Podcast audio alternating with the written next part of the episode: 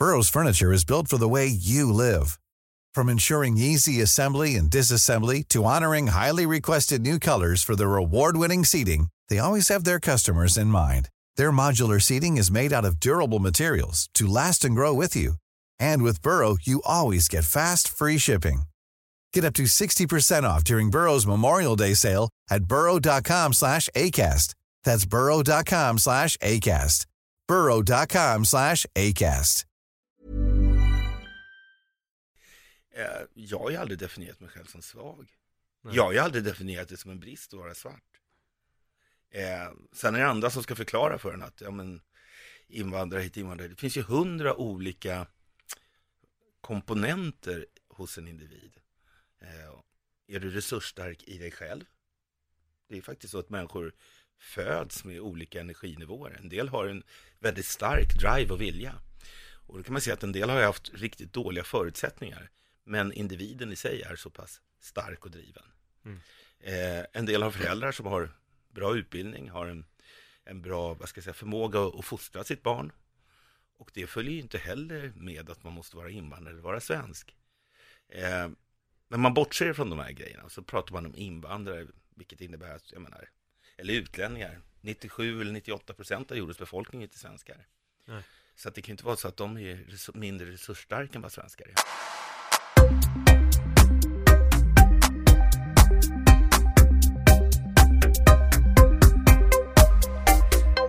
Dabo Mtsero, välkommen till Polevaj Podcast.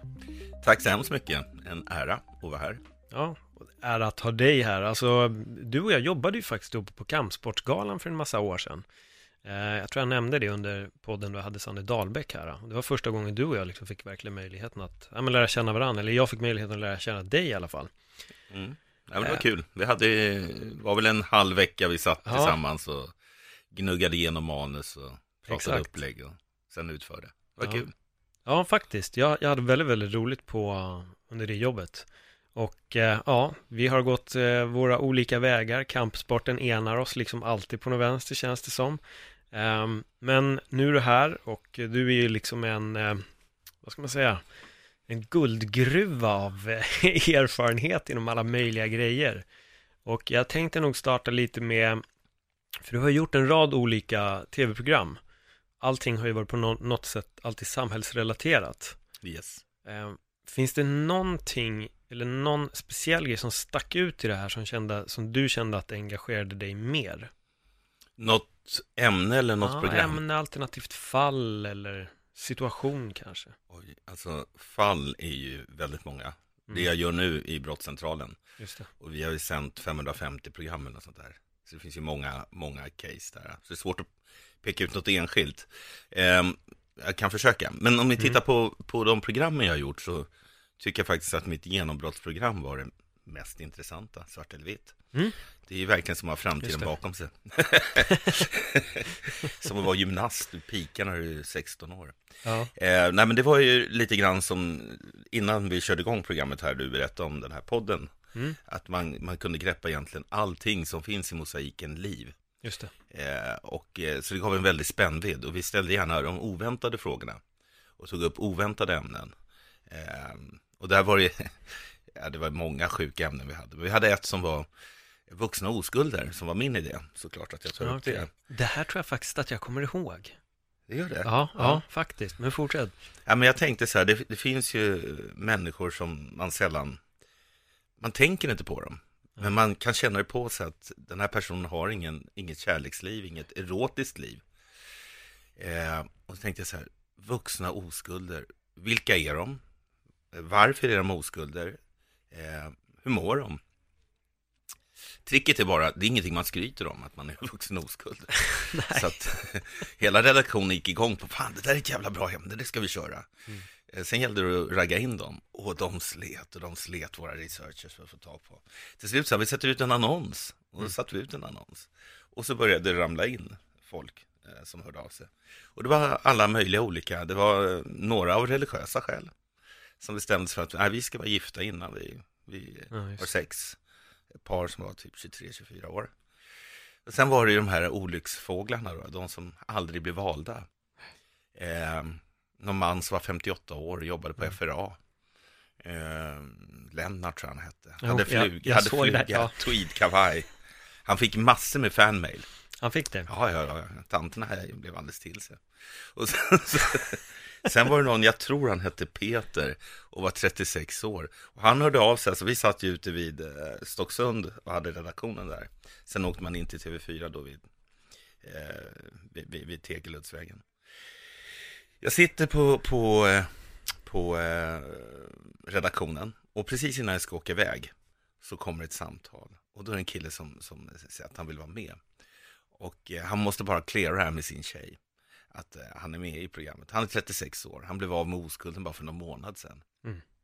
I samband med Vattenfestivalen, för det fanns ju sån då, för den tiden. Och han var ju så jävla entusiastisk och glad. Va? Så det var väldigt rörande och då får man en inblick i hur andra människor har det. Mm. För det är klart att det är en väldig sorg att vara en person som aldrig blir rörd vid. Som aldrig blir åtrådd. Eh, om man ska ta det på, på, på lite större allvar. Mm. Eh, Så det, det var bara ett exempel på hur det här programmet, eh, vi kunde ha eh, papper som inte får träffa sina barn. Eh, Vilket var ett program som, vi har aldrig haft så, stor, eh, så stort gensvar. Vi hade en busslast med 75 personer som kommer från Sandviken för att vara med i det där programmet. Eh, Alla människor gick inte in i studion. Och det visade sig att problemet var mycket större än att det var papper som inte fick träffa sina barn. Utan det var ju faktiskt också fastrar som inte fick träffa sina syskonbarn. Ja, det. Det var mammor till männen som inte fick träffa sina barn. och de här konflikterna som ofta ses som en konflikt mellan man och kvinna visar sig vara mycket djupare. Utan du skär ju av ett, ett barns halva linje. Mm. Eh, och att det fanns en enorm sorg i samhället. Så det är en av de här, eh, jag har tagit upp det två gånger. Jag gjorde det sen i ett program som heter Drevet för TV4. Eh, och samma sak där. Ursäkta. Eh, det visar sig finnas en jättesorg i svenska samhället över just det här med vårdnadstvister. Och det är någonting som egentligen inte har något utrymme i medierna. Men, men eh, det är ett stort sår. Men vad, vad, vad, vad tror du är som gör att vi hamnar i de här grejerna? För ibland när man tittar på det bara utifrån på vissa personer så känns det som att barnet blir det här klassiska slagträt. Att eh, partnerna är så arga på varann att de kan liksom inte se att barnet behöver båda två även fast de inte enas. Vad var det generella problematiken med de här personerna? Fanns det någon större majoritet där man kunde se en liksom röd tråd eller? Alltså, det är svårt att, att generalisera. Alltså en del, det finns säkert en del som är olämpliga fäder. Mm. Eh, Den kategorin finns ju också. Eh, Det finns också säkert kvinnor som är hispiga helt enkelt. Eh, För det var ju nästan alltid, som sagt var, papper som inte fick träffa sina barn. Men det jag reagerar på är egentligen inte att människor inte fungerar ihop. Den du skaffar barn med när båda är överens om att skaffa barn, det är ju ditt största eh, investering som du gör i en annan person. Mm. Att du och jag ska skaffa barn. Eh, Sen så spricker den där bubblan av någon anledning. Kärleken eh, run empty eller någon känner sig sviken. Och då kommer ju ofta en sorg i motsvarande grad. Det är inte konstigt att folk beter sig irrationellt då. Eh, det konstiga är att samhället stöder irrationaliteten. Vad tror du är som gör att det blir så? Alltså vi har ju massa, vi har ju massa system som, som stöder eh, både skilsmässor och eh, vårdnadstvister. Eh, om, du är, om du nu skulle vara Paulina och inte Paul och du och jag har barn så är det klart att eh, om, om eh, vi ska göra upp om hur vi ska ha vårdnaden så kommer du med stor sannolikhet tinga på att du ska vara eh, boförälder. Då får du ett högre bostadsbidrag. Så jag har ju gått igenom det där själv. Eh, har vi bott i en hyresrätt, jag bor i hyresrätt, då, då eh, är det så att man tittar på vem som har mest nytta av lägenheten utifrån barnets behov. Det är vårdnadstvistdrivande. Så då säger du så här, nej men jag vill ha besittningen i lägenheten. Eh, och då säger jag, men jag var hemma med Stina när hon var de första nio månaderna, bla bla bla bla. bla. Då blir det ju då en vårdnadstvist och under den tiden innan rätten har avkunnat dom så finns det en interimistisk dom. Och den är ju nästan alltid att kvinnan stannar kvar i bostaden. När sen domen kommer och säger här, nej, det ska nog vara en gemensam vårdnad eller delad vårdnad. Ja, men då har du redan, då är redan barnet inskolat med att vara i lägenheten med dig. Därmed förlorar jag Just det. lägenheten. Även om då lägenheten står på den andra Ja, parten. En, en, en hyresrätt har ju inget värde. Nej. Eh, så den tillfaller ju då per automatik alltid kvinnan. Mm. Och det är ju bara tio år sedan någonting sånt som, som man kunde dela upp barnbidraget. Just det. Så att eh, barnbidraget gick ju i princip alltid till kvinnan. Om det inte var så att kvinnan sa, nej men jag vill inte ha barnbidraget, men det är ju det är ju att vara Santa Claus och göra så. Så, så att sy- styrsystemen i samhället driver vårdnadstvister. Du tjänar på att ha en vårdnadstvist. Mm. Så, så eh, grunden till det har väl varit att se till att kvinnor skulle vara skyddade eh, i samband med separationer. När män var de som drog in pengarna. Eh, men nu ligger ett gammalt system kvar och förutsättningarna är annorlunda. Och då ligger det här kvar och, och, och driver en, en, eh, en obalanserad, eh, eh, vad ska jag säga, en, en obalans. Mm. Så att, så att det, och det finns ju ingen som driver de här frågorna. Det finns ingen mansrörelse. Eh, feministerna driver det inte. Man säger att man vill ha ett jämställt samhälle, man driver inte de här frågorna. För det är icke-frågor. Därför att de frågorna gör ju att kvinnor får lite mindre valmöjlighet. Såklart. Eh, så, så, så ingen driver frågorna. Eh, när jag gjorde det sista programmet, det här är ju säkert en 6-7 år sedan eh, i ämnet, eh, så tittade jag också på det här med att eh, när ett par får barn och de inte är gifta, så blir ju eh, eh mamman är ju vårdnadshavare per automatik, det är inte mannen. Utan eh, det är hon som måste så att säga tillstyrka att han är vårdnadshavare. Så där finns det en obalans redan från första början, från steg ett. Och när man parallellt med det här pratar om att vi måste ha män som tar ett större ansvar, ja, det blir en väldigt ytlig diskussion om vi inte tittar på själva fundamenten. Eh, och de fundamenten är inte att eh, män är likvärdiga som föräldrar, som kvinnor. Varför har det blivit en sån här obalans i, i de här sakerna? Eh, jag tror ju att den har Den har nog med en mängd saker att göra. Eh, den har med saker att göra som vi egentligen inte vill prata om. Att en kvinna vet ju alltid att hon är mamma. Mm. Du vet ju inte som, som man. Nej. Eh, idag kan man ju kolla upp det på hundra olika sätt. Men det är mycket litteratur som har skrivits om frustrerade män som är inte riktigt osäkra på att det verkligen är de som är pappor. Eh, så, så mamman är ju Alltså barnet blir ju lite grann av ett utskott av modern. Barnet ligger ju nio månader i kvinnans kropp, är en del av hennes biologi. Sen Mm. kommer det ut. Så föräldraskapet som man, det är någonting man förvärvar.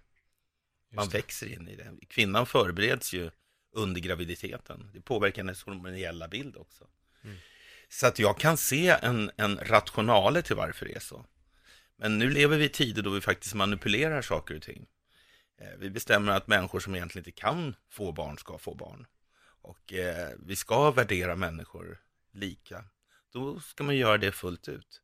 Annars blir det en bluff. Men i, i rättviseivrandet så har ju inte män riktigt, framförallt inte heterosexuella män, riktigt lika mycket backning.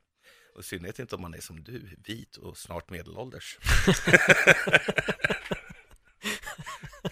Stackare. Ja, jag har, det låter som en eh, tung framtid till mötes här för min del. Vit och snart medelålder. Jag tycker det är så lustigt ibland när man pratar om de där grejerna att man, jag vet inte, det är det här man, det, det är så lätt att vissa personer tycker att här ska det inte generaliseras. Och så generaliserar de själva. Det här dubbelmoralen. Jag brukar säga att den enda moralen människan verkligen har, det är dubbelmoral. Mm. Resten av dem skiter vi nog i, men dubbelmoral har vi totalt, och hyckleri. Att just vara verkligen så här, vi vill ha mer av det här, eh, alla vita män är så här. Ja, fast om du nu vill förbättra samhället, då kan du inte sitta och generalisera själv. Vi kommer ju ingenstans om vi vill ge mer fördelar åt en person och sen sitta och generalisera åt det andra. Jag fattar inte, vad, vad tror du att det är som gör att vi gärna går åt det hållet, att vi kör med dubbelmoral och hycklar? Och, och det gäller allt, jag syftar inte bara på nu man mot kvinna, utan generellt över många ämnen. Jag tror att det alltid har varit så. Eh, och eh, så, idag, vad ska jag säga, så här, moralistiska rörelser är ofta generaliserande. Eh, kyrkan har ju varit enormt generaliserande, skuldbeläggande. Eh, och idag kan man se mycket i, vad ska jag säga, i någon form av radikala rörelser, vänsterradikala rörelser och en del feministiska rörelser. Där tar man perspektivet att jag som då är liten, man gör sig liten, liten, svag, resursstark, jag behöver mer. Och du är den onda djävulen. Eh, genom att förklara sig själv svag så har man också rätten till någon form av övervåld mot mm. det som då ska vara den härskande makten. Eh, och sen har man den tankemodellen så gäller det bara att motivera sin svaghet. Det behöver inte ens vara sant. Utan man förklarar, men vi, vi kvinnor och, eh, vad ska jag säga så här, eh, ett ord som jag har svårt för är antirasism. Mm. Jag förstår inte vad en antirasist sysslar med. Hur går man upp på morgonen och är antirasist? Ja. Vad gör en antirasist? Det låter ju väldigt gulligt, det låter mm. väldigt mjukt och bra. Eh, så ibland kopplar folk ihop en massa olika saker som ska då vara de svaga, som man ska bygga en grupp mot de starka. Så man är feminist, man är antirasist, man är hbtq-ivrare, massa olika saker eh, som då ska företräda svagheten. Mm. Och svagheten har en opponent och det är styrkan. Och vad är då styrkan? Jo, det är den vita medelålders mannen alla män kommer ju bli medelålders. Och lever man i ett vitt samhälle så är det så 50 procent av befolkningen är dömda till att bara bli skithögre en vacker dag. Ja, Hur de än gör. Det går ju inte att ändra på. Så att, så att jag tycker det är, det är infantilt. Mm. Och det, det, är också det är en faktaresistent syn. Eh, det här med, jag är ju invandrare, eh, som du också. Mm, ja, min pappa. Jaha, han var invandrare, okej, okay, jag förstår, jag förstår hur du tänker. Nej, men ehm, eh, jag har ju aldrig definierat mig själv som svag. Nej. Jag har ju aldrig definierat det som en brist att vara svart. Eh, sen är det andra som ska förklara för en att, ja men, invandrare hit, invandrare Det finns ju hundra olika komponenter hos en individ. Eh, är du resursstark i dig själv? Det är faktiskt så att människor föds med olika energinivåer. En del har en väldigt stark drive och vilja. Och då kan man säga att en del har haft riktigt dåliga förutsättningar. Men individen i sig är så pass stark och driven. Mm. Eh, en del har föräldrar som har bra utbildning, har en, en bra vad ska jag säga, förmåga att fostra sitt barn. Och det följer ju inte heller med att man måste vara invandrare eller vara svensk. Eh, men man bortser från de här grejerna och så pratar man om invandrare, vilket innebär att, jag menar, eller utlänningar. 97 eller 98 procent av jordens befolkning är inte svenskar. Nej. Så att det kan inte vara så att de är mindre resursstarka än vad svenskar är. Nej. Så att det, det, är, det, är, det är infantilt sätt att, att, jobba på. Och det funkar inte heller, eh, tycker jag, när man ska göra åtgärder för att, eh, eh för att, för att stärka grupper. Det är individer som ska stärkas. Jag såg, det var något program som tog upp just de här ämnena. Jag tror att det var under de här Husbyproblemen för x antal år sedan. Och då var det såklart då folk som satt där då invandrare som berättade om att de var invandrare men de hade liksom lyckats. De hade tagit sig därifrån, startat företag, jobb, så här. Ja, de hade lyckats inom situationstecken då. Och då på Twitter så skriver någon snubbe, är så jävla trött på alla blattar som sitter med sina liksom jag har lyckats historier bla bla bla. Det är inte så jävla lätt att komma härifrån som de uppmålade. Jo, fast för den personen var det ju det. Mm. Så var, varför vill du förminska en snubbe som kommer med exakt samma bakgrund från dig? Men det känns mer då som du säger, man vill ta på sig den här med att vi är de svaga, vi kommer inte lyckas. Och när någon gör det, då bryter det liksom den här bilden som de har byggt upp för sig själva. Då vill de rasera den på något sätt. Jag har alltid haft det tänkt, för jag, när jag höll på med stand-up, nu kommer jag skifta lite ämne, men, men, men det hör ändå in. Då så sa jag att ja, men mitt mål är att göra en ny föreställning varje år, som Magnus Bettner. Och då säger en kille, vi hade hållit på lika länge med stand-up. Han bara, ja men fan. Han bara, det kan du inte göra. Jag bara, men Bettner kan ju det. Ja, men du är ju inte Bettner. nej, men om Bettner kan, då går det. Ja, mm. ah, nej, men alltså det, det går inte. Då ska han förklara för mig att det inte går. Och i mitt huvud hör jag då att för dig kommer det ju inte gå, för du har ju redan bestämt att det mm. går inte såvida du inte är Magnus Bettner. Mm. Men fan om Magnus Bettner kan, då har han visat att det går. Mm. Så om en person gör det, då kan två, tre, fyra, fem mm. göra det. Det är något som förvånar mig, just att man alltid vill komplicera saker. Det ska vara så jävla svårt, eller man ska hitta en anledning till varför man inte kommer in på ett ställe. Men sen tycker jag ändå att man ser att fan om du är målfokuserad och inte sitter och ser alla problem kommer du lyckas. Som jag brukar säga, ser du rosen eller ser du taggarna? Mm. Du väljer själv. Mm. Men det tror jag är, jag ska säga, jag jobbade mycket med integrationsfrågor under en period. Efter jag hade gjort Svart eller vitt så var jag väldigt intresserad av, eh, vad ska jag säga, affirmative action. eh, action. Mm. Eh, alltså eh, lika rätt till jobb utifrån kompetens och när man bortser ifrån etnicitet och sånt.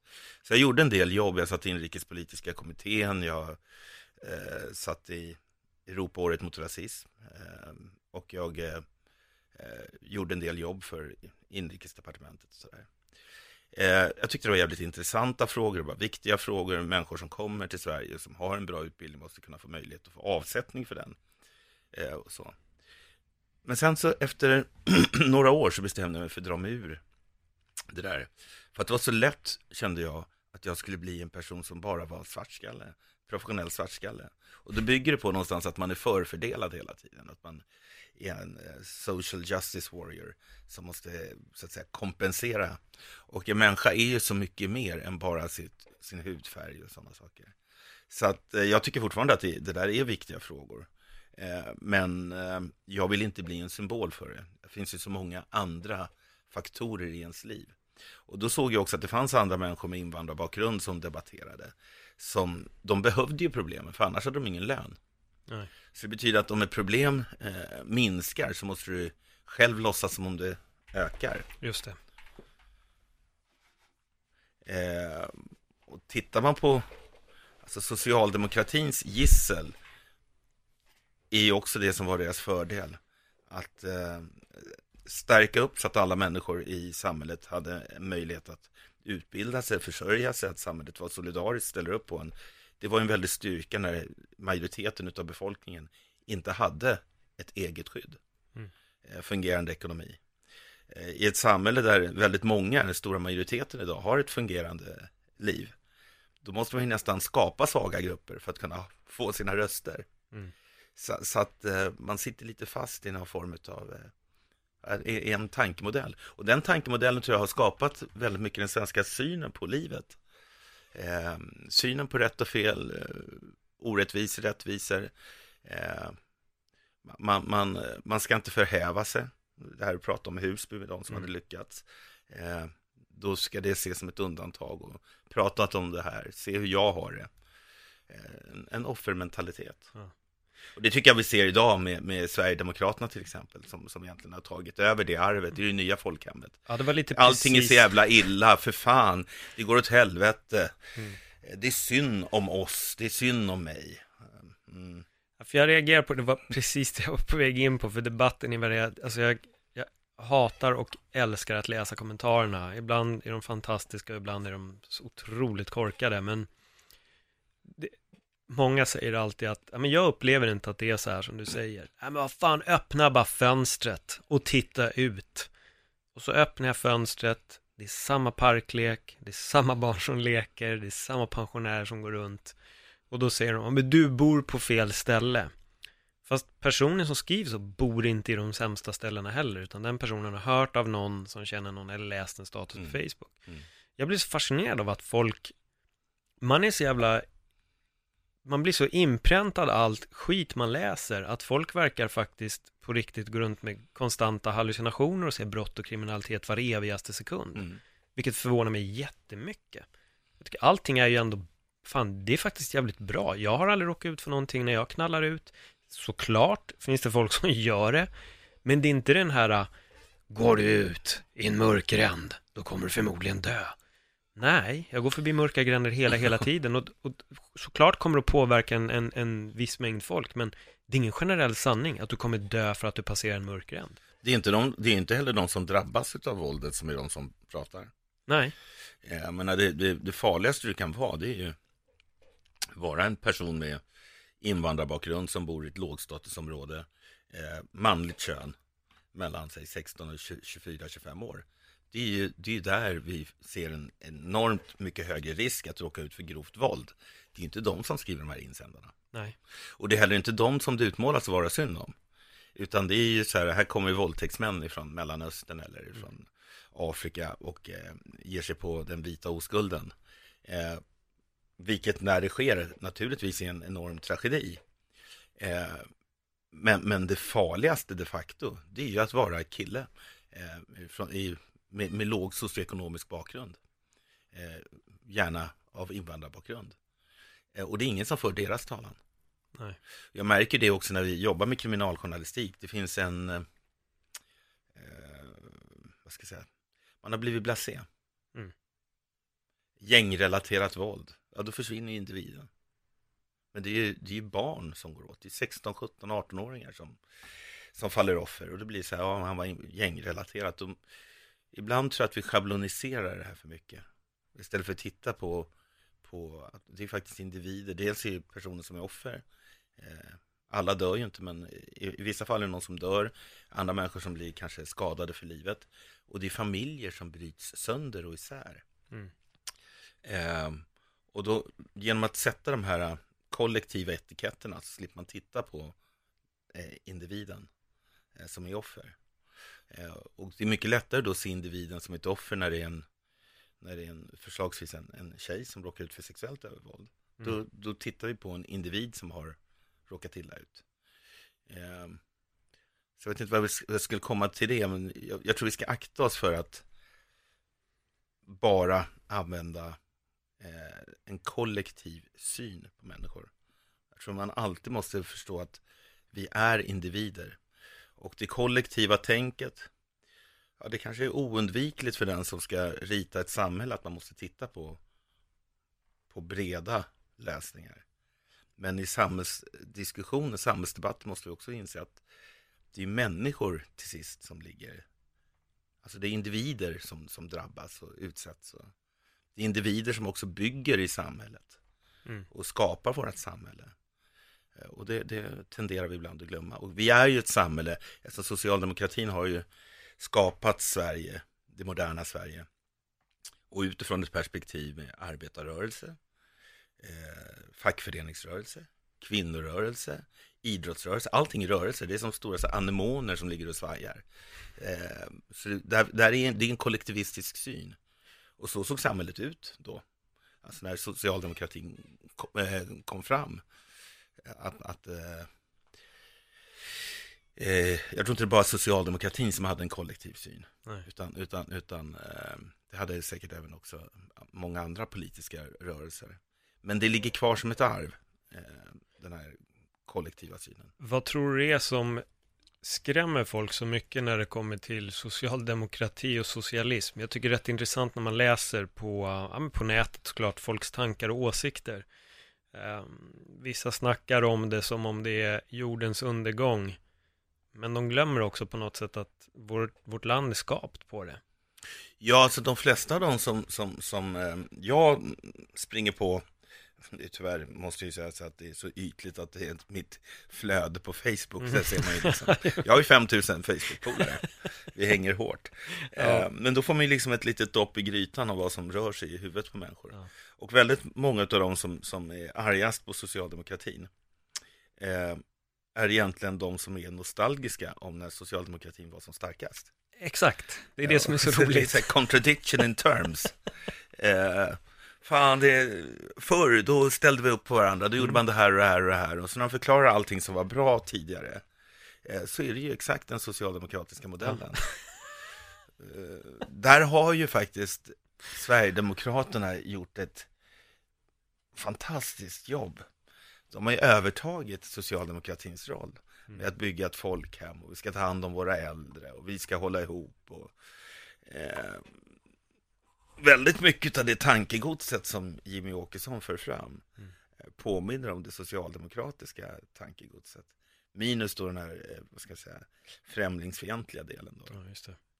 För eh, jag, jag håller med dig till, till punkt och pricka på det där. Det är så roligt när det blir det här. Det var mycket bättre förr, men Moderaterna styrde inte förr. Nej. Så det ni pratar om var, den renaste formen av socialism. Mm, mm. Egentligen. Nej, jag, jag, jag tycker det är otroligt kul att läsa de här politiska tankarna. Det, personligen när jag hör politiker prata så hör jag bara, för mig det ser ut som stela robotar som bara framför bla bla bla bla bla bla bla om och om igen. Rösta på mig.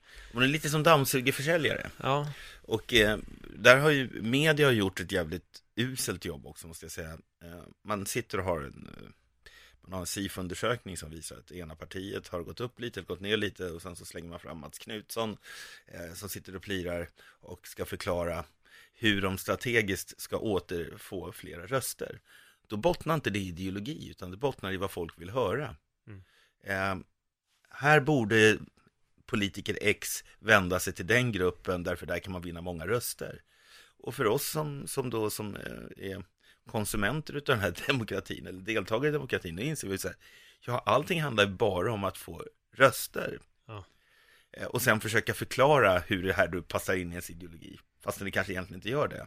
Och det är en cynism, eh, och den tror jag har blivit väldigt tydlig. Och det tror jag, det som sker i det här valet, det är en vattendelare eh, för Sverige.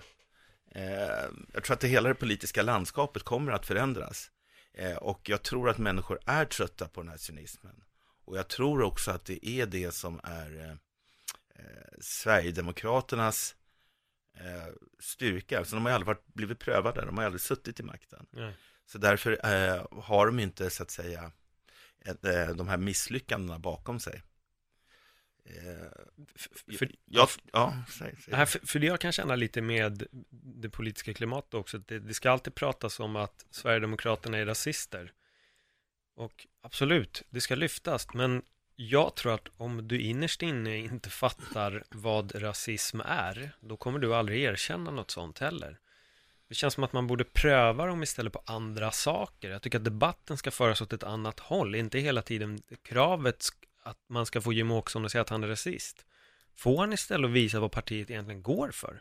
Ställ de riktiga frågorna och på så sätt visa att det är ett parti man inte kan i sådana fall lita på om det är det man vill få fram. För jag känner också att fokuset så jävla många gånger, alltså jag vet mer om, om so- Socialdemokraterna genom Moderaterna och vice versa. För att deras valkampanjer går ut på att det här partiet vill så här och det är inget bra. Istället för att säga det här vill vi göra. Vi Mm. vill göra Sverige så här. De snackar bara om att om de här vinner, då vill de göra Sverige så. Men vad fan vill du? Mm. Vad vill du själv? Kan du börja prata om vad du faktiskt vill själv? Mm. Och Reinfeldt, om någon frågar om du har onanerat till porr någon gång, säg ja istället för att stå och ljuga. För om du kan ljuga om en sån jävla petitess, då kan du ljuga om vad fan som helst. Mm. Det känns jätteoärligt. Sen är ju frågan jättelustigt ställt av reportern som ställde den. Men fan var bara ärlig. Mm. Alltså det är så här, jag vet inte, det, det därför blir det, vilket parti den är så hör jag bara bla bla bla bla bla bla bla. Det är det enda jag hör. Och så, Men vi, jag tror att vi har svårt att hantera ärligheten också. Inte gemene man nej. Gemene man har nog inte så svårt. Men media har svårt att hantera ärligheten. För skulle Reinfeldt säga så här, det är klart att jag onanerar till, till porr. Mm. Då blir det ju braskande rubriker. Och sen är det någon som kommer säga så här, är han inte egentligen en man som utnyttjar kvinnor? Eh, han kommer ju bli behängd med massa negativa grejer. Som egentligen bara är någon form av mediadrev. Mm. Eh, de flesta människorna sitter själva hemma på kammaren och onanerar till porr. Eh, säkert väldigt många som uttrycker sig som bara säger jag hatar porren som Ja. gör det också. Eh, och det gör ju att du blir beskattad om du, om du är ärlig och uppriktig. Mm. Och om du dessutom, alltså, om, alltså de flesta människor är ju ganska komplexa. Vi, vi vill en sak och så gör vi ibland en annan. Ja. Eh, men vi har svårt att ta det. Vad heter han den här skådisen, eh, Tommy Berggren? Ja, Eh, han skrev ju sina memoarer, jag har inte läst dem. Utan jag bara läst om dem. aha Folk tänker metoo-rörelsen eller? Ja, folk gick i taket på att han hade köpt prostituerade under sina vilda unga år. Mm. Och då tänker jag lite så här, det är en man i 80, eh, som närmar sig 80, en lång skådespelarkarriär, han kommer från ganska enkla förhållanden tidigare. Han har levt ett liv, han har ett ganska starkt subjekt. Eh, varför ska man annars läsa en biografi om det är någon som bara går omkring och är mellanmjölk? Mm. Och sen så skriver han i sina memoarer, så här var det. Nej, det passar inte. Folk blir vansinniga. Mm. Han berättar ju bara vad som har hänt i hans liv. Ja. Och den där typen av moralpanik, den, den gör mig bara orolig. Eller obehag, jag, jag, jag får obehagskänslor. Den påminner, alltså det, det, de har ju övertagit samma roll som kyrkan hade tidigare.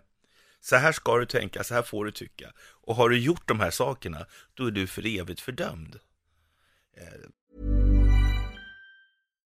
Hey Dave. Yeah, Randy. Since we founded Bombus, we've always said our socks, underwear, and t-shirts are super soft. Any new ideas? Maybe sublimely soft. Or disgustingly cozy? Wait, what? I got it. Bombus. Absurdly comfortable essentials for yourself And for those facing homelessness. because one purchased equals one donated. Wow, did we just write an ad? Yes. Bombas. Big comfort for everyone. Go to bombas.com slash ACAST and use code ACAST for 20% off your first purchase. This is Paige, the co-host of Giggly Squad, and I want to tell you about a company that I've been loving, Olive and June. Olive and June gives you everything that you need for a salon quality manicure in one box. And if you break it down, it really comes out to $2 a manicure, which is absolutely insane. It's also so easy to get salon worthy nails at home with Olive and June. The difference between how your nails used to look when you did them yourself and now with the Manny system is a complete game changer. The best thing about Olive and June too is it's a quick dry, dries in about one minute, lasts for five days, and full coverage in up to one to two coats. Visit oliveandjune.com slash perfectmanny20 for 20% off your first system. That's oliveandjune.com slash perfectmanny20 for 20% off your first system.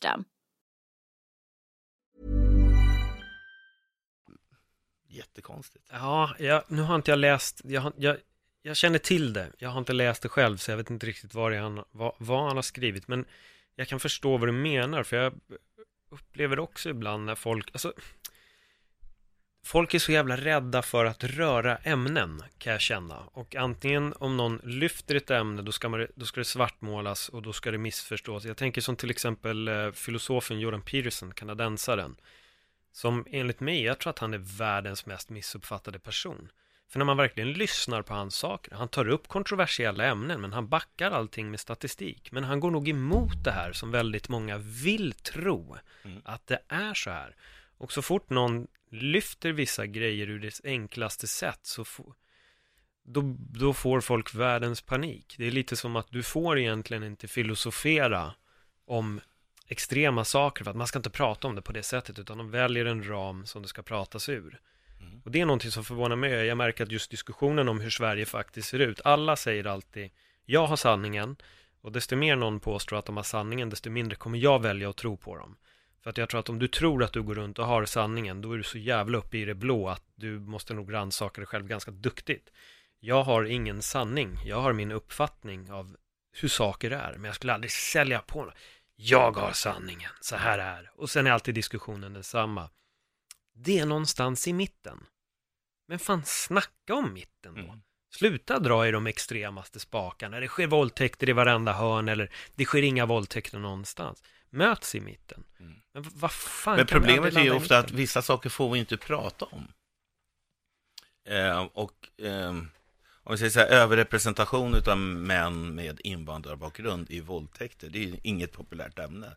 Det är som att begå ett självmord som journalist, att ens ta upp frågan. Är det så? Hur ser det ut? Eh, och vi har haft väldigt många heliga kor. Idag när vi har ett, eh, sociala medier så börjar folk prata om de sakerna som, som etablerad media har valt bort att prata om. Mm. Och eh, många är förvirrade, men en del kan vara ganska pålästa faktiskt, som, som, som, eh, som skriver och uttrycker sig. Så idag sker ju en åsiktsbildning som är parallell med det, det, det officiella Sverige, om vi tittar på de stora tidningarna, eh, tv-medier och så. Och det tvingar ju också de etablerade medierna att börja ta upp de här frågorna. För gör man inte det, då kommer man också bli obsolet. Man blir irrelevant. Eh, Men tidigare kunde man ju faktiskt eh, styra diskursen väldigt mycket. Eh, nej, eh, Men det är väl det man kallar, om, kallar politisk korrekthet. Och det är ju någon form av revolution mot den här präktigheten som Ja. har funnits tidigare idag. Så där ska ju sägas också att det mesta av det som är politiskt korrekt är ju också politiskt korrekt, tycker jag. De flesta, men de flesta av de grejerna är ju, det är ju bra värden. Ja, absolut. Ja, men en sak jag tycker också är så rolig, det är när folk sitter och säger att ja, vi får aldrig prata om det här. Jo, men det står ju staplar om det på Facebook. Mm. Ni för ju en diskussion. Det här kommer inte fram, jag får inte tala här. Jo, men din krönika finns ju i Aftonbladet. Mm. Vem är det som tystar dig? Mm. Det är ju ingen. Mm. För det är också vissa som hävdar, min åsikt blir tystad. Men fan, du har ju skrivit en krönika som är liksom tusen ord lång. Du har ju fått ur dig allt. Mm. Det är ingen som tystar dig. Mm. Du får ju snacka precis vad du vill. Och det är något jag har märkt också, att vissa börjar manipulera det här. Men det är off- offermentaliteten. Ja. Mm. Jag tycker det är jätteintressant att se det. Det, det, det pågår ett... Men i, idag är det många som tänker så här, men okej om, om, om eh, SD till exempel har 20 procent, ja då borde man få 20 procents inflytande. Men när ändrade man på, alltså så har det ju aldrig varit tidigare. Nej. Utan har du 50,1 procent så är det ni som styr. Mm. Men helt plötsligt börjar folk prata så här, ja men det är klart att de, ska, de här 20 procenten måste ju få ett uttryck i den politiken då som, som, som Sveriges riksdag för. Fan vad spännande om vi hade varit ett land som funkade så. Att alla hade tjugo- sin, sin del. Hur hade Sverige sett ut då? Var femte fråga Ja. får, får, får Sverigedemokraterna och var, vad blir det, var tionde får vänstern då Ja. Eh, uttrycka sig. Men vad, vad man har gjort där är att man har varit lite smart med den här eh, offermentaliteten. Folk, har ju- folk har ju inte fattat riktigt hur vår demokrati ser ut. Utan man får ju den uppfattningen då i, i, i mycket av eh, flödet i sociala medier att utestängandet utav Sverigedemokraterna eh, bottnar i någon form av konspiration. Det har alltid varit så att de som har mest röster är också de som kommer föra politiken. Det där är också något som jag reagerar på. Att många vill få saker till att det ska vara någon form av konspiration. Och jag upplever att väldigt många Alltså propaganda flyger över huvudet på folk, eller rättare sagt, de tar till sig informationen men att det är propaganda flyger rakt över huvudet på, Mm. på så otroligt många. De delar liksom länkar om, alltså så det, det var en artikel, det här är ganska många år sedan, den var så otroligt rasistiskt skriven och då var det flickvän dödar, eh, dödade hund på grund av sin svartskalle pojkvän stod det. Och då delar jättemånga den här och så säger de, men gud vad synd om hunden. Ja, absolut, men har du sett vilken rasistartikel du har delat? Mm. Nej, det missar de helt. Mm. Missar det totalt. Det var bara liksom deras känsla för djuret, men när du läser den ser de bara genomsyrad av dejta inte en invandrare, Mm. han kommer tvinga dig till det här och det här och det här. Och det går liksom inte in för folk att vänta, vad fan läser jag egentligen? Utan det är bara, fy fan, det här var otäckt, dela. Mm. Och så delar de det, och så börjar hela propagandahjulet. Men det är också så här, det finns ett belöningssystem eh, i sociala medier där, där det handlar om att känna mest. Eh, man begick våldtäkt, en gång om, skjut, vi måste införa dödsstraffet. Ja. Och för fan, jag, nu hämtar jag basebollträet. Ju mer sådana liksom, känsloyttringar du, du, du skriver, desto fler likes får du. Så folk håller liksom på att tävla med varandra i någon form av så här barbariyttringar. Eh, och så får man massa eh, liksom kudos och likes och, och polare. Eh, tack och lov är ju samhället mycket, mycket mer trögrörligt, alltså Ja. med, med lagsystem, så att det inte bara går på intuitiva känslor. Eh, men det finns ju en, en eh, mobokrati, alltså så här, eh, en enfaldig, ett enfald så, som applåderar varandra och där folk gör sig dummare än vad de är. Ja, för det som är så fascinerande med det där också, som, du- som du säger, det är det att det spelar ingen roll vilken sida av falangen du är på. Att när det blir mobbmentaliteten spelar ingen roll om du är vänster, höger eller i mitten. Alla börjar säga samma saker. Äh, men de ska dö, häng dem, spö upp de här jävlarna. Så det är så här, oj, vänta, igår satt du och förespråkat så här ska man inte bete sig, men idag sitter du och gapar om det för att det är någonting som du är emot. Mm. Det är någonting, jag vet inte, men det är som du säger, det kanske beror på det där. Då får du fler jävla tummar upp på, på Facebook helt enkelt. Mm. Absolut. Eh, det där är, det, det är konstigt. Jag, jag vet inte riktigt vart vi är på väg. Eh, därför jag ser ju, om vi tar metoo-rörelsen som var i, Mm. i höstas, eller förra året. Eh, där började ju, alltså det fanns ju fall som, som egentligen började i sociala medier.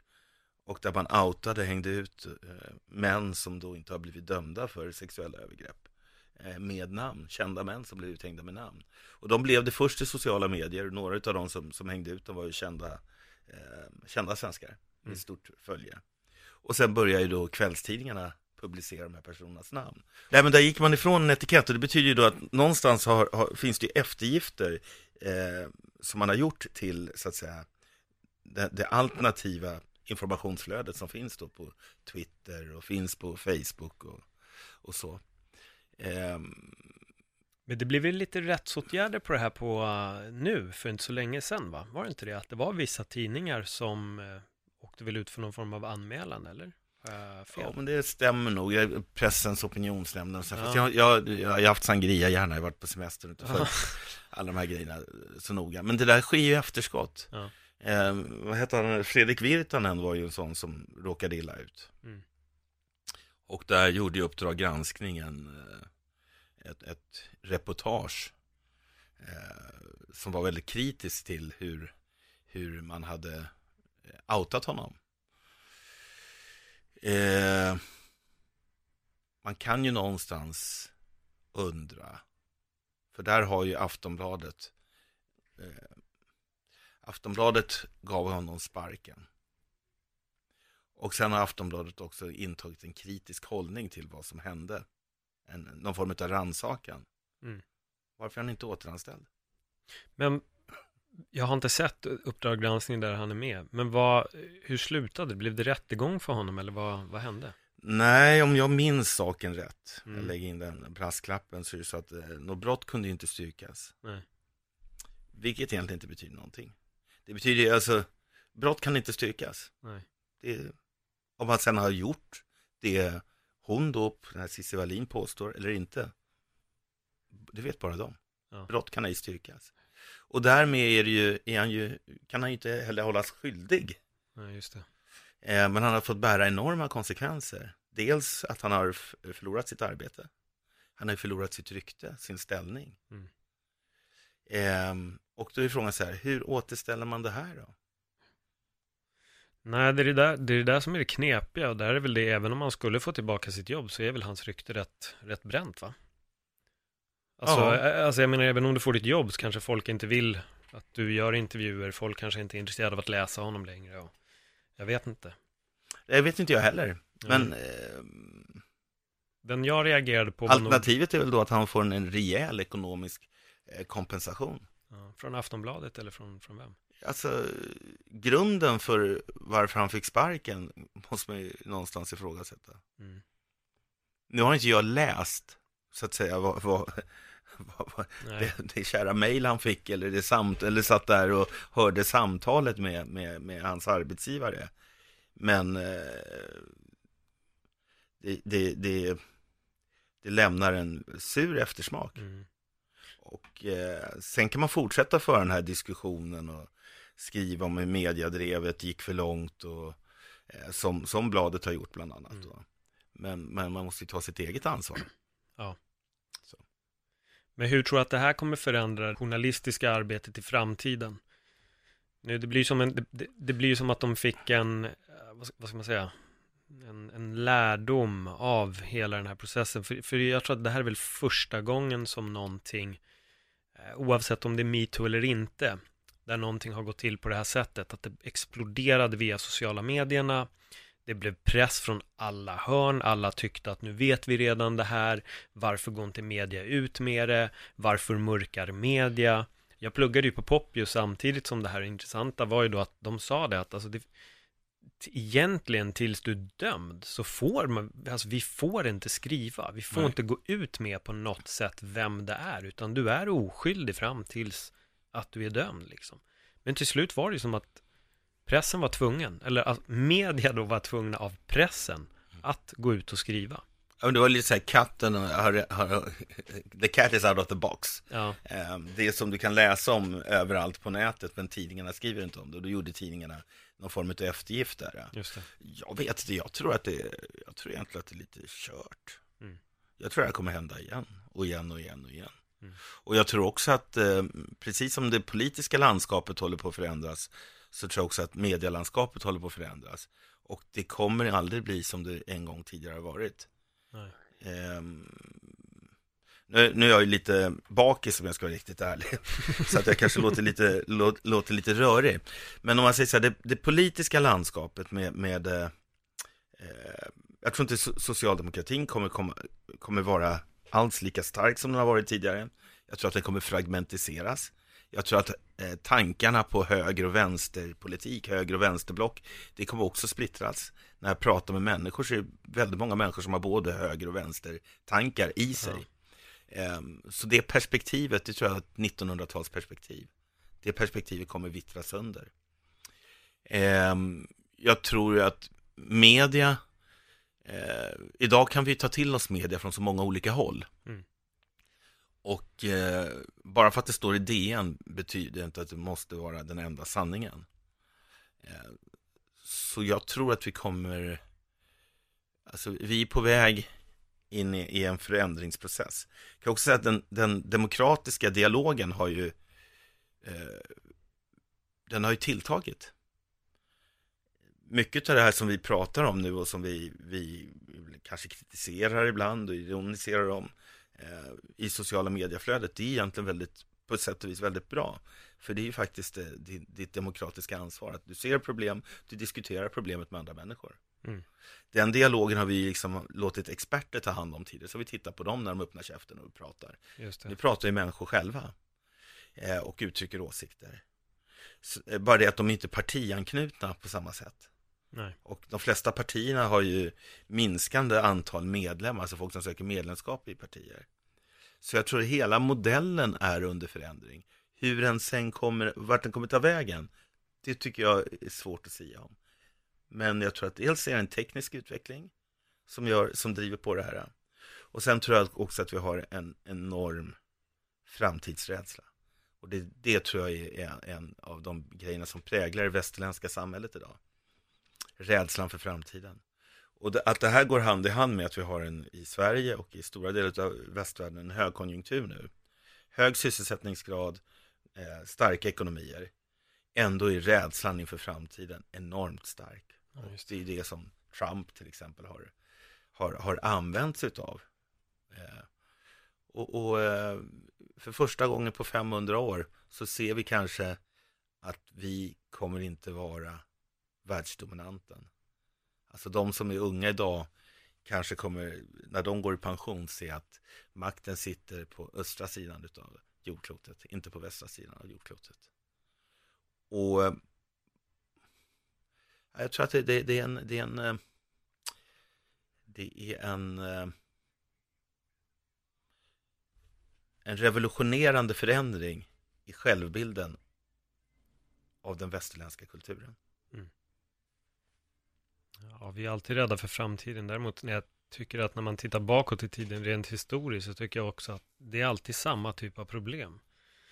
Folk målar alltid upp en rädsla för den eh, mannen som inte är härifrån och var rädda för honom. Och det känns som att det bara repeteras i cykler hela, hela, hela tiden. Sant. Men vad jag tycker är, eh, som skiljer lite grann idag för kanske 20-30 år sedan det är att det är allt fler och fler slipsar, kostymer och plisserade kjolar som känner rädsla. Mm. Tidigare var ju eh, den som höll på med unskilled labor, alltså den som höll på med enkla sysslor, jobbade i fabrik, eh, montering etc. De var ju riskutsatta. De mötte ju på konkurrens. Vi hade varvsindustri där vi var eh, en av de ledande länderna i världen som gick i kvav under min levnad. Vi hade en stark eh, tekoindustri, alltså sömnad, med Borås som, som centrum. Eh, där stack det iväg till låglöneländer. Eh, och då har ju Sverige, svenska modellen har ju varit att då skaffar vi oss eh, nya kompetenser som ligger högre upp i, vad ska jag säga, någon form av värdekedja, utbildning etc. Idag så finns det ingenstans att ta vägen. För idag spottar Kina ur sig 23 miljoner med högskole examina varje år. Mm. Ja. Mer än två gånger Sveriges befolkning går ut med ett universitetsbetyg varje år. Och förmodligen om ytterligare 15 år som är uppe i 30-40 miljoner som gör det. De är på nivå med USA eh, med antal människor som går ut med ett, med ett högskolebetyg. Eh, och det innebär ju att väldigt många jobb flyttar utomlands idag. Eh, Indien brukar vi ofta hålla fram som ett exempel där, där där man har väldigt mycket duktiga civilingenjörer och civilekonomer. Så att det är svårt idag för svensk, för, för, för, för oss i Sverige, att utbilda oss fram i täten. Omvärlden har hunnit ikapp. Kunskapsförsprånget finns inte längre. Bara, bara alltså när jag var ung så var det, hade vi ett enormt kunskapsförsprång. Vad tror du det är som har gjort att det har blivit så här på så, på så snabb tid, eller på så kort tid? Eh, det är väl den tekniska utvecklingen och globaliseringen. Eh, förmågan att kunna eh, få information. Eh, vi som håller på med kampsport. Mm. Om jag bara tittar på mitt sätt att, eh, träna och lära ut. Eh, idag kan jag ju titta på världens bästa utövare hur mycket som helst. Och titta på detaljer. Ah! Det är därför han får sån utväxling. Han placerar fötterna så. Och sen går jag ner och tränar på det och sen så gör mina killar och tjejer de här grejerna. Just det. Tidigare man var tvungen att åka, packa väskan och åka till Ohio och knacka på dörren på något gym och säga så här eh, Kan inte du lära mig det här? Och så får du bo på något sjabbigt hotell i tre månader så, så börjar du få kläm på den här grejen Så åker du hem igen och sen nästa år får du åka till Tokyo och knacka på dörren och så Nej, nu sätter du bara på din YouTube och så kollar in de här grejerna Titta vad som hände med, med, med UFC där brassarna var Mm. fullständigt överlägsna De knöt ihop varenda jäkel Ja. Det var ju som magi Ja, det gick ett, två, tre, fyra, fem år. Nu får man liksom leta efter en brasilianare. Mm. Och det är ju för att kunskap flödar så snabbt. Ja, det. Men det, det man kan säga här, det som, som har varit eh, den stora förändringen är ju väl egentligen Kinas uppvaknande. Eh, och eh, eh, det här Deng Xiaoping som tog över efter Mao måste ju vara 1900-talets kanske viktigaste politiker. Ja, där är jag dessvärre Han, till, han, till, han tillhör i alla fall topp 3, 4, 5. Ja. Eh, nej, men han hade ju en politisk idé som han genomförde. Och det var egentligen att införa någon form av marknadsekonomi i en kommunistisk kostym. Och eh, man har ju lyft över 300 miljoner människor ur desperat fattigdom inom loppet av en 30-40 år. Aldrig gjorts något liknande. Så det är hela USAs befolkning och mer därtill som idag lever på en europeisk nivå. Och eh, ytterligare 20 år innan dess, han kom in till makten 79, då hade man ju svält i Kina. Ja, just det. Massvält, där miljontals människor dog. Så eh, eh, det kinesiska uppvaknandet har ju, har ju förändrat väldigt mycket av det globala landskapet. Och det är klart att de har haft en fördel av att vara en diktatur. Alltså våra politiker måste hela tiden säga saker som behagar oss för att vi ska välja dem igen. Ja, Mm. Ja, titta, ser du det grekiska exemplet där man gödslade ut pengar och skapade reformer som man inte hade någon ekonomisk täckning för. Eh, med lånade pengar så köpte man egentligen folks röster. Eh, var du statstjänsteman så var det i princip omöjligt att få sparken. Du kunde gå och dröna och slöa och slappa bäst du ville. Du fick ut din lön, då tidig pensionsavgångar. Där har ju eh, grekerna har ju då valt människor som har sagt saker och ting som låter bra. Mm. Sen har man känt, har vi råd med det här? Det har varit mindre relevant. Det där lät bra. Och då vet jag ju som politiker, nu är det bara för mig att se till att finansiera det här på något sätt och och låna pengar. Kina har ju inte behövt förhålla sig till det. Nej, Utan om de, bestämmer sig, om de bestämmer sig, här ska vi bygga en stad för fem miljoner människor, mitt ute i en öken, så gör de det. Och sen kan det komma miljöaktivister, Greenpeace eller whatever, arga människor. We don't give a fuck. Vi gör det. På gott och på ont. Mm, såklart. På gott och på ont. Men, men, men det har ju gjort att de har gjort fantastiska, fantastiska framsteg. Och här blir det intressant att se om den... Alltså, jag tycker att Kina, deras... eh, Är det premiärministern eller är det... Oh, det där Ja. President, premiärminister, president, president. De har nog båda det. Men ledare, Ja. den kinesiska ledaren, han sitter ju numera på livstid. Putin sitter i praktiken på livstid. Mm. Erdogan sitter i praktiken på, på Ja, livstid. han ändrar om rätt mycket där nere. Ja. Och vad vi ser är att det flera starka länder i världen har, har fått ett mer auktoritärt styre. Mm. Och i den globala kampen, ska du ha uthållighet i en, i en plan, i en strategi, då är det möjligt att den demokratiska modellen kanske är skör. Vi får Ja. se. Ja, jag, jag, jag, Den- förstår den, ditt den, tänk. den, är utmanad. Den västerländska modellen eh, är utmanad utav eh, ett mer auktoritärt sätt att, att, att leda på. Något jag tycker är ganska intressant är att folk ibland som har flytt, flytt den auktoritära modellen, sen när man ser dem skriva om vad de vill ha här, så märker man att det är en väldigt auktoritär modell. Hur tänker du då? Ja, men jag, jag, jag vet inte, det är, det är vissa som jag vet, eh, eh, ja, men som, jag ska inte säga en exakt land, för att det är många av mina vänner som, som jag vet att deras familjer har invandrat till Sverige och de har alltså flytt, bokstavligen flytt diktaturer. Men de här människorna kan ibland vara väldigt hyllande mot auktoritärer, alltså de som är min ålder, nu pratar om barnen. Föräldrarna följer inte, så där vet jag inte, men barnen kan vara väldigt att Putin är bra, han gör riktigt bra saker, men de missar att han är auktoritär och diktator i, i sitt sätt liksom. Han har tagit över styret på ett sätt. Att folk kan sitta och hylla de här sakerna. Jag såg även ett gäng kubaner, reportage från, från USA, jag vet inte vilken kanal det var, det här var någon amerikansk kanal. Och de sitter och hyllar Trump och så säger de, vi behöver någon som är mer liksom, ta tag i saker. Ja, fast ni hade ju det i Kuba. Varför lämnar ni Kuba? Tänker jag då. Om ni, om ni verkligen vill ha någon som tar tag i grejer, varför stack ni? Så, så jag vet inte, det är bara en tråd som jag har sett väldigt många. Att många gånger när folk har stuckit från en auktoritär grej, sen när de väl är i, i, ett val så märker man att de riktas gärna mot auktoritära. Till exempel Mexicans for Trump. Och sen får de en chock när, oj shit, min pappa blev just utvisad. Ja, men det är det Trump har sagt. Men vi är inte the bad hombres. Men det skiter väl han i. Han kommer ju börja plocka ut folk. Det där, ibland, jag vet inte, bara jag säger inte att alla är så, men Nej. jag har upp- upptäckt att ganska många har ibland, ja men fan auktoritärt, de vill gå mot någon form av auktoritärt styre. Men jag tror att folk gillar au- auktoritet. Absolut, det gör de säkert. Jag tror, jag tror att en, om man skulle titta på, på människan ur en antropologisk syn, Mm.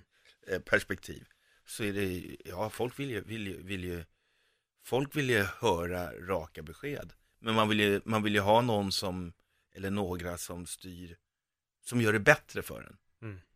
Och eh, eh, Putin har ju höjt levnadsstandarden i Ryssland. Han har ju skapat en mycket större ordning. Förut var det ju liksom ett större kaos med gangsterism och oligarker. Han tog ju ett stryptag på dem helt enkelt. Mm. Så, så Castro har ju, Castros Kuba lyckades ju inte höja levnadsstandarden för kubanerna. Andra länder gick om. Ehm, Men hade han lyckats göra det så tror jag att väldigt många hade nog varit nöjda med det. Ja. Det låter ju hemskt, nu kommer folk tro att jag är en jättefascist. så här, som inte gillar demokrati. Jag tycker ju demokrati är, det- är det minst dåliga. Mm. Så. Men jag tror att vi har gjort det lite enkelt för oss ibland. Eh, Demokratin kan bli toxic också. Eh, Och idag så har vi ju rätt mycket skendemokrati därför att mediaflödet är så, är så styrt. Eh, Om man tittar bara på eh, senaste Irakkriget, bevekelsegrunderna för det att eh, Saddam hade Massförstörelsevapen. Ja, massförstörelsevapen och sådär, som, som bara var en hoax. Mm. Det är ingen som pratar om att man skulle ha impeachment, alltså ställa dem inför riksrätt, eh, Bush-administrationen eller Tony Blair. Nej. De, de har ju miljoner människors liv på nacken. De har ju också satt igång, och sen Obama också har blod på sina händer, en, en, en, eh, en folkvandring som destabiliserar hela Europa. Det är därför vi får de här eh, högerextrema, vilket är konstigt uttryck att man kallar det högerextremt, men nu vet i alla fall folk vad vi pratar om. Eh, att de partierna har vuxit sig starka i Europa. Därför våra system har svårt att hantera den belastningen, den sociala och den ekonomiska belastningen flyktingströmmarna genererat. Eh, och allting bygger egentligen på bara på lögner. Mm. Och vi vet att det är lögner. Och folk blir förbannade på eh, flyktingarna. Men man vet ju också vilka, vad, vad är det som har satt igång strömmarna, men det tar man inte tur med. Nej, det är Så det, det är en väldig sorg tycker Ja. jag. Eh, och det, är det, är- det är ett eh, misslyckande för demokratin. Men är inte det en superbra genomförd plan av politiker att eh, folk alltid stirrar på invandringen? istället för att titta på politikernas fel. Det är väl en briljant grej ifrån dem. Alltså jag, säger, jag, jag tycker inte att det är bra, men jag menar om det bara går rent strategiskt, de har ju lyckats. Ja. För, det, för det är något jag reagerar på, det har jag sagt till flera stycken som jag diskuterar med ibland. Jag säger det, jag bara, jag är fascinerad över att du stirrar dig blind på invandringen, men du tittar inte på det andra. Mm.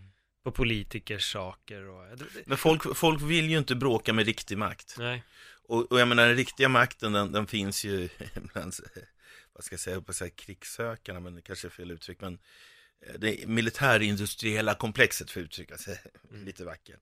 Som, som satte igång den här arabiska våren till exempel, som jag från början, jag sa det till min fru, det här är ju rena, det här är ju rena falsariet. Helt plötsligt så sitter människor och har en egen Kalashnikov uppe på vinden och sen så fem lådor med ammunition. De kan hålla på och skjuta och bomba och spränga och greja månad efter månad efter månad i en diktatur.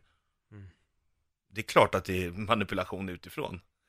Man måste ju vara idiot för att tro att eh, i Libyen till exempel att eh, eh, folk satt där och hade sina hemsnickrade vapen och bara väntade på att rätt anda skulle komma, komma igång. Va? Så hela den där våren var ju en stor hoax. Men den har ju, alltså Libyen var ju Afrikas mest utvecklade land på en hel del parametrar. Högst utbildade kvinnor i hela Afrika. Eh, fri skolgång, fri läkarvård. Idag är det slavhandel. Hur ser det ut i Libyen nu? Jag har faktiskt... Att det lilla jag vet är att, att, att eh, landet har egentligen ingen fungerande eh, regim och infrastruktur. Att det har brutits loss i, i alltså det, det är olika konflikter i landet, väpnade konflikter. Och att väldigt mycket av flyktingströmmarna över Medelhavet utgår ju därifrån. Mm. Och man handlar med människor. Du kan köpa människor. Och det där slavhandeln vet jag har tagits upp på lite olika ställen. Det är ju rent ut sagt sjukt att vi... Och vi är helt ointresserade av det. Alltså Mm. våra medier skriver ju inte om det. Nej. Men vi kunde skriva om den arabiska våren. Vad är det som styr att det är så intressant att folk vill bli av med Gaddafi? Mm. Men sen när man blev av med Gaddafi, att landet faller in i, i en djup misär, det är helt ointressant. Vem väljer vilken information vi ska ta in? Ja, vem är det som väljer? Ja, vad tror du själv? Jag vet inte. jag vet inte, men det, jag håller med dig. Det om, ibland står det om vissa saker, ibland står det inte om andra saker. Jag har blivit lite så här ibland med media också. Jag, jag läser mindre nyheter för att jag tycker alltid att den är så jävla negativ bara. Det är bara negativitet, negativitet på negativitet. Så jag blir lite så här, ibland orkar jag inte ens. Jag pallar liksom inte. Men eh, nej, det är den eviga diskussionen på nätet också. Vissa säger Illuminati, jag säger nog inte det, men, men jag håller med dig. Det finns ju alltid en... Ja, men det, det- en, en enkel grej man kan göra det är att follow the money. Mm. Alltså du får ju inte makt här i världen. Du tar ju makt. Mm. Och för att behålla makten så måste du styra eh, resurser. Om du ska styra resurser i en demokratisk modell så måste du också styra hur folk tänker. Så det första du ska göra det är att se till att du kan styra hur folk tänker. Tror att vi kommer få Och det gör, man, det gör man ju i de totalitära staterna också. Ja. Utan det är ju bara så makt utövas. Annars är man ju idiot.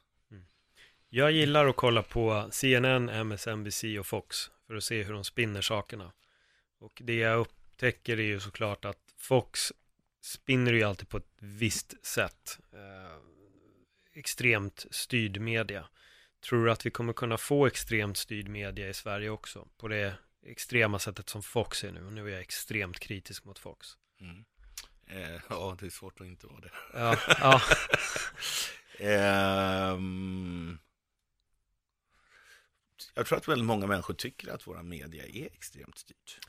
Det vet jag att folk tycker och när jag kollar på Fox så vet jag liksom inte vad folk faktiskt bokstavligen svamlar om. För att jag tycker ändå att den må vara styrd på sitt sätt, men den är inte i närheten av var Fox ligger. Alltså Fox känns ibland, nu, nu förstår inte jag koreanska, men som när Men man då får du läsa fria tider och de här. Ja, jag har gjort det några gånger och det, Så får du hitta den svenska linken. ja, men tror att de skulle kunna komma upp i en möjlighet med TV och verkligen, i och för sig, Ja, YouTube. Ja, alltså säg så här. äh, hypotetiskt. Mm, SD 25 procent. Mm. Ja, då öppnas det upp helt andra möjligheter. mm.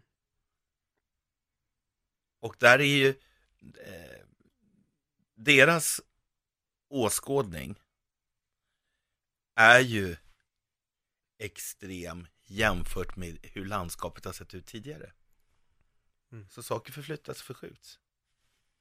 Och har du då, hamnar man i regeringsställning, ja då kan du ju nog räkna med att det är väldigt mycket, alltså det är väldigt mycket av den feministiska diskursen som kommer åka ut genom fönstret. Ja, absolut. Redaktioner kommer börja se helt annorlunda ut. Ja, just det. Mm. Ja, det är knepiga grejer. Vi har faktiskt nått vår tid och jag Ja. känner att du och jag hade kunnat suttit och snacka vidare säkert i, i, i tre, fyra timmar till om, om verkligen allt möjligt. Um, fan, supertack för att du kom in Tabo. Ja men tack, du har ju berikat mig, det är kul att prata med. Mycket vettiga tankar. Ja, men tack så mycket. Ehm, ja, vi får nog sätta oss vid ett tillfälle igen tror jag i framtiden och, och snacka vidare. För jag hade faktiskt några grejer som jag ville glida in på, men det, spar vi till, till nästa gång. Eh, så supertack än en gång för att du kom in. Tack för ett bra samtal. Tack. Ja, och till er som gillar podden, ja, ha en fantastisk eh, dag, tid och vecka gott folk. Hej då!